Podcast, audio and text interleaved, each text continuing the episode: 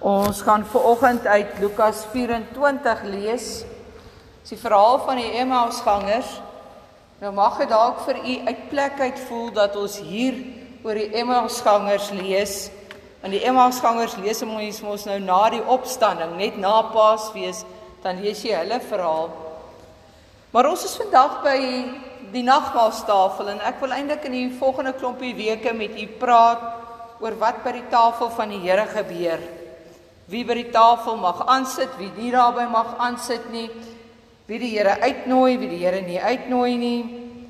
En wat met 'n mens gebeur as jy regtig waar bewustelik gaan aansit by die nagmaaltafel? So ons hele lydendtydsreeks gaan gaan oor oor oor wie by die tafel sit en wat 'n mens by die tafel doen en wat goeie maniere by die tafel is.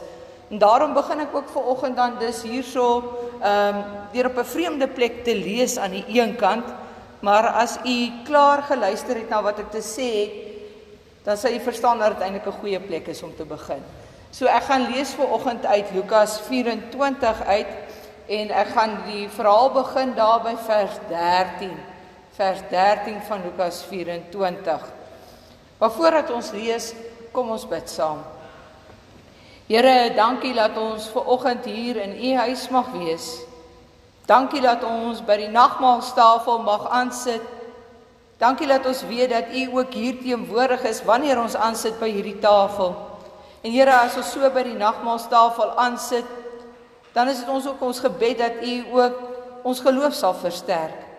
Maar Here, ons weet ons kan nie nagmaal gebruik sonder om te dink uit die woord uit nie, want die een is aan die ander een verbind en die een is nie belangriker as die ander een nie.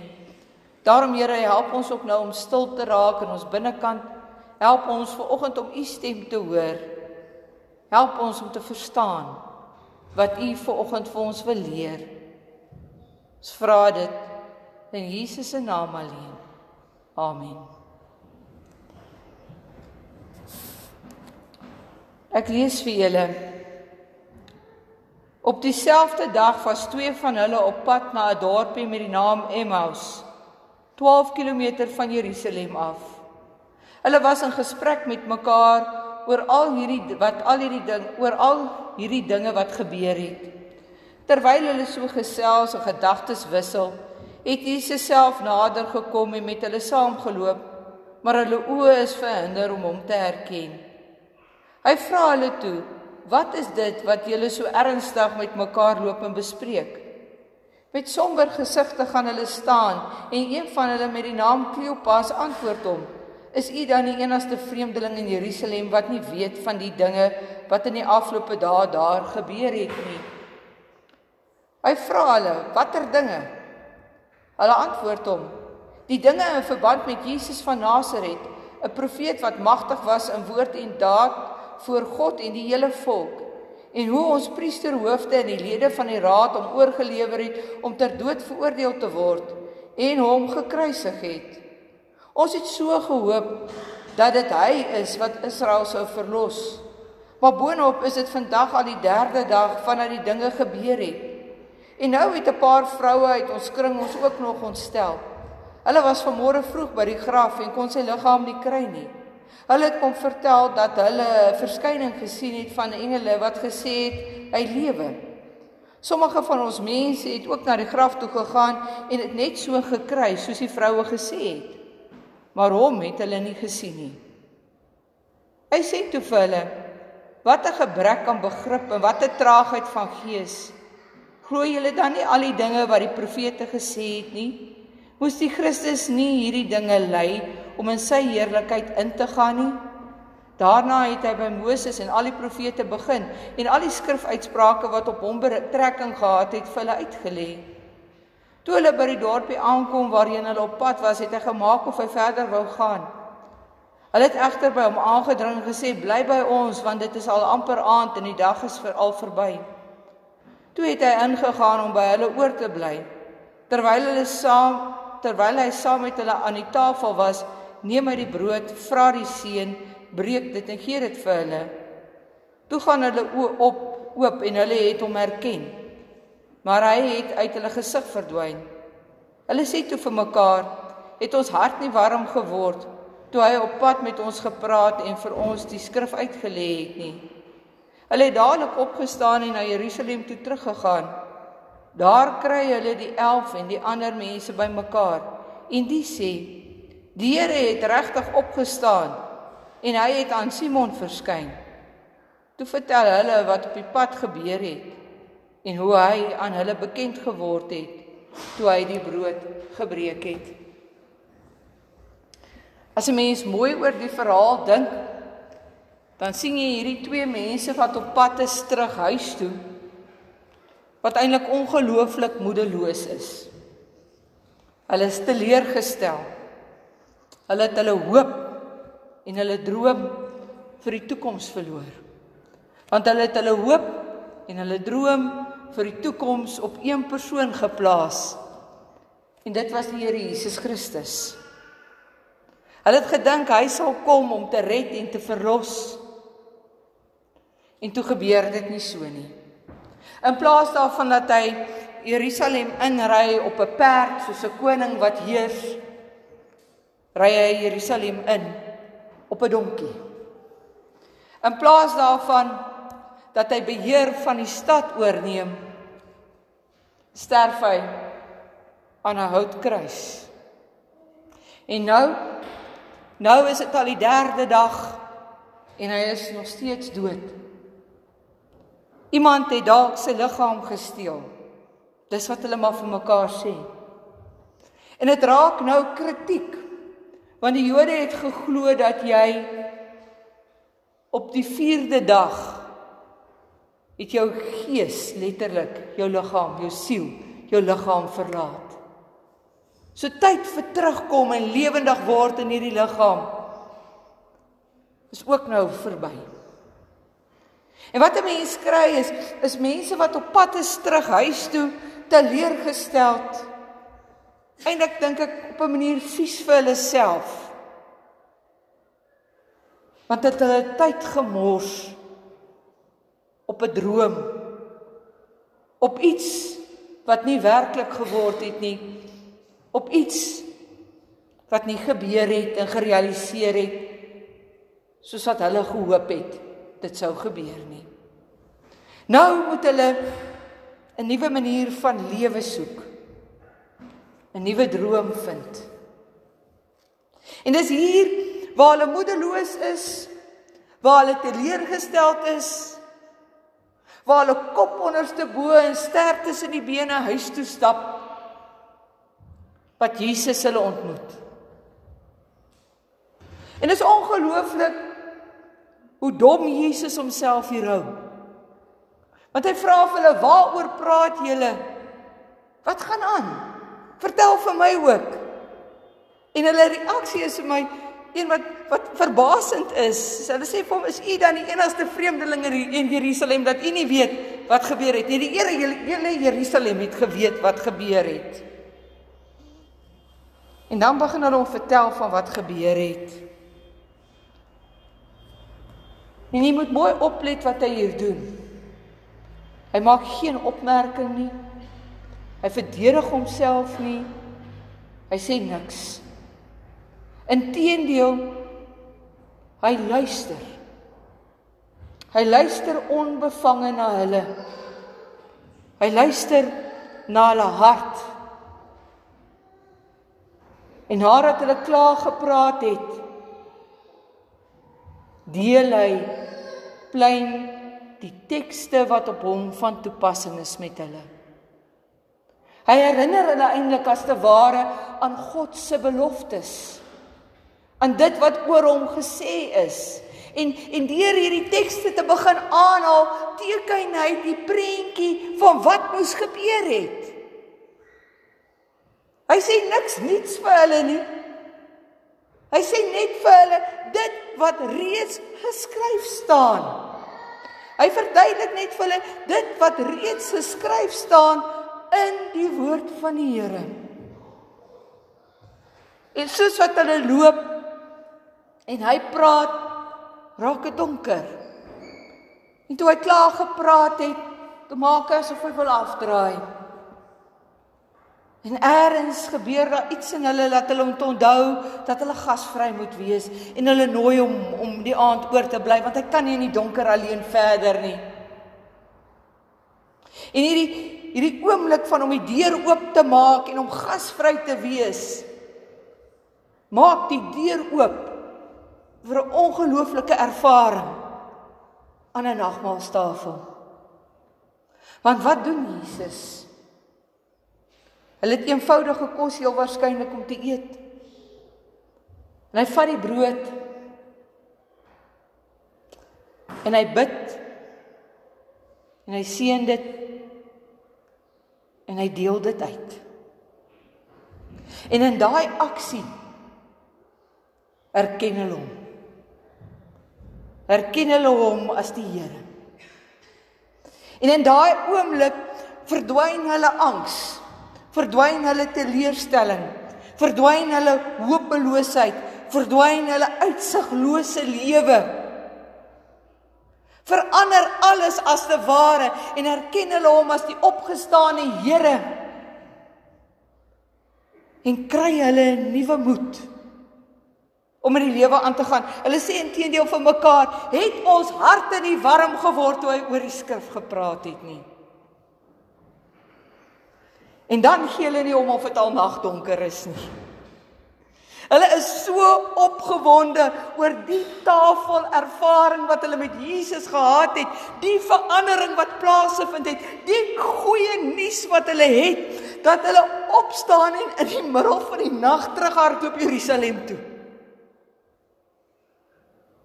Dit verander hulle hele lewe so dat hulle nie kan wag nie, dat hulle eers vir die môre kan wag nie, maar dat hulle juis op daai oomblik opstaan en Jerusalem toe hardloop.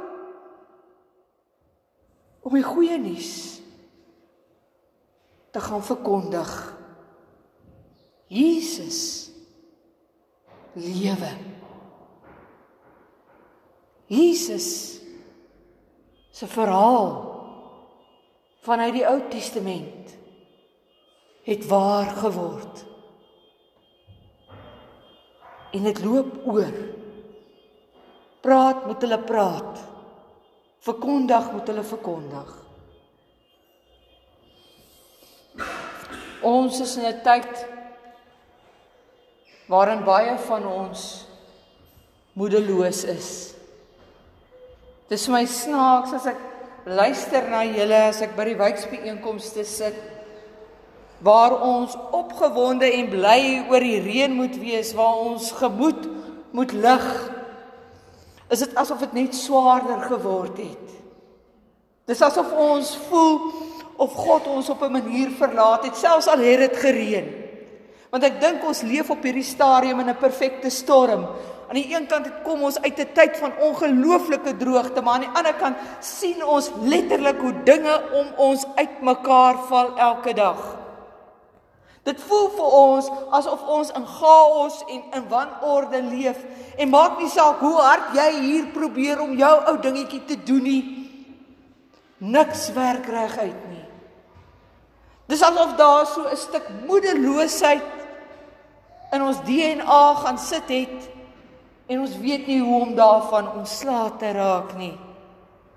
En toe ek hierdie verhaal van die Emmausgangers lees, toe besef ek, maar ek sien eintlik Filippolisse mense wat loop, wat op pad is, wat wonder, maar waar is die Here? Het die Here ons nie dalk vergeet nie? Selfs al het ons reën gekry, niks verander werklik nie. Die veld is groen en die diere eet en dis een ding om oor bly te wees, maar maar in die groter breër prentjie van om in hierdie land te leef, verander niks nie. Die druk raak intedeel net groter. Belastingtyd gaan nou weer maak dat ons nog meer belasting moet betaal. 'n Kleiner groepie moet vir 'n al groter en wordende massa sorg. Die druk raak net ongenadiglik swaar. En 'n mens is eintlik moedeloos maar soos die Emmausgangers. Maar hier by die Emmausgangers moet ons vandag 'n les kom leer. Wat het met hulle gebeur? In hulle moedeloosheid het Jesus langs hulle kom loop. En het Jesus nie veel gepraat nie. Jesus het geluister na hulle relaas. Hulle teleurstelling, hulle moedeloosheid. En u en ek moet weet hier waar ons op moedverloorse vlakte sit, kom staan Jesus vanoggend ook hier langs ons. Is hy by ons te midde van al die chaos waarin ons onsself bevind? En al hoor ons hom dalk nie hard praat nie. Moet ons weet hy luister. Hy luister met 'n oop gemoed na ons. En dink ek om uit hierdie moedeloosheid uit te kom, om weer te kan deelneem met vreugde aan die lewe, is daar 'n stap wat ons nodig het om te neem en dit is om letterlik ons harte voor die Here uit te stort. Vir die Here te sê wat in ons lewens aan die gang is, wat ons moedeloos het, wat ons op moedverloorse vlakte het, wat ons teleurgestel het. En hoe meer ons dit vir die Here sê, hoe meer gaan ons vrykom van hierdie donker wolk waarin ons sit. So die eerste stap om uit moedverloorse vlakte te kom, is plein om met God te begin praat oor wat in jou kop en wat in jou hart aan die gang is. Met die wete, hy luister. Hy luister met 'n baie fyn oor na wat jy sê. En hy is so 'n goeie luisteraar dat hy jou nie in die rede gaan val tot jy klaar gepraat het nie. Die tweede stap om uit hierdie situasie van wanhoop te kom. Is as jy klaar gepraat het om jou Bybel oop te maak en net weer God se verhaal te begin lees. Jesus doen niks snaaks nie. Al wat hy doen is hy vat die een teks na die ander teks wat op hom tot betrekking het en hy herinner hulle net daaraan. Elkeen van julle sit met 'n Bybel op julle selfone, op julle skote, in julle hande. Dis die groot boek waaraan jy weer rigting kry vir jou lewe. Maar ons kry nie daai rigting vir ons lewe nie omdat ons nie genoeg tyd spandeer om die woord van God te lees nie. Dit nie eers te bestudeer nie, dit net te lees. Want dit is tussen daardie bladsye wat jy agterkom wie God is. Dat jy agterkom dat God 'n ongelooflike liefdevolle hart het. Dat jy agterkom dat God homself maar telkens bedink wanneer hy klop Israeliete wil straf en maar weer afsien van sy straf en maar net weer help. Dis waar jy agterkom dat God jou ook ongelooflik liefhet. Ek het 'n ongelooflike ervaring by my skoonsister se begrafnis hierdie week gehad. En hy die dominee wat die diens gedoen het, het 'n interessante ding gedoen uit Johannes 3 vers 16 uit. Hy het gesê as jy die Bybel lees, maak die Bybel persoonlik. Toe dink ek nou maar hoe. Toe vat hy Johannes 3 vers 16. En hy sê jy maak dit so persoonlik. As ons lees wat daar staan byvoorbeeld God het die wêreld so lief gehad dat hy sy enigste gebore seun gegee het sodat die wat in hom glo nie verlore sal gaan nie, maar die ewige lewe sal hê. God het die wêreld so lief gehad dat hy sy enigste gebore seun gegee het sodat Johan wat in hom glo nie verlore sal gaan nie maar die ewige lewe sal hê. Sodat Nico wat in hom glo sodat Elvina wat in hom glo sodat Stefan wat in hom glo sodat Charlotte wat in hom glo maak die woorde persoonlik. Sit jou naam daarin dan begin jy God se woord persoonlik aan jou lees. En dit is wanneer jou hart warm word. Wanneer jy dit persoonlik maak. En nooi God in. Wees met God gasvry. Nooi hom in jou huis in, nooi hom in jou lewe in. Nooi hom by jou tafelgemeenskap in. Want dis daar waar hy die brood vat en bid wat jy hom begin herken as die middelaar wat op hierdie stadium vir jou sit en bid. Dis daar waar hy die brood breek wat jy dit erken dat hy vir jou gesterf het. En dis daar waar hy die brood vat en dit uitdeel wat jy erken dat dit ook vir jou bedoel is en dat jy ook op die ou en die verantwoordelikheid het om die goeie nuus te gaan uitdeel en dan kan jy inderdaad soos die Emmausgangers nie stil sit nie. Dan gaan vertel jy vir die wêreld. Ons gaan nou aan sit by die nagmaaltafel. Jy gaan sien hoe ek brood breek. Jy gaan sien hoe ek wyn skink. En in daardie oomblikke moet u voor u geestesoog sien hoe God besig is om dit vir u te doen. Want die nagmaaltafel is nie maar net 'n gebruik wat ons een keer in 'n kwartaal met mekaar doen nie. Die nagmaaltafel, een van die funksies van die nagmaaltafel in ons lewe is om ons te kom versterk in ons geloof. En hier waar almal moedeloos is, wil ek u vanoggend uitnooi om te kom aansit by die tafel van die Here en toe te laat dat die Heilige Gees u vir oggend vir 'n slag weer kom optel. Vir 'n slag weer kom na u toe kom en dat u kan hoor hierdie brood is vir jou gebreek Karen. Dit is my liggaam vir jou. Hierdie wyn word vir jou geskink Karen. Dit is my bloed wat vir jou gevloei het.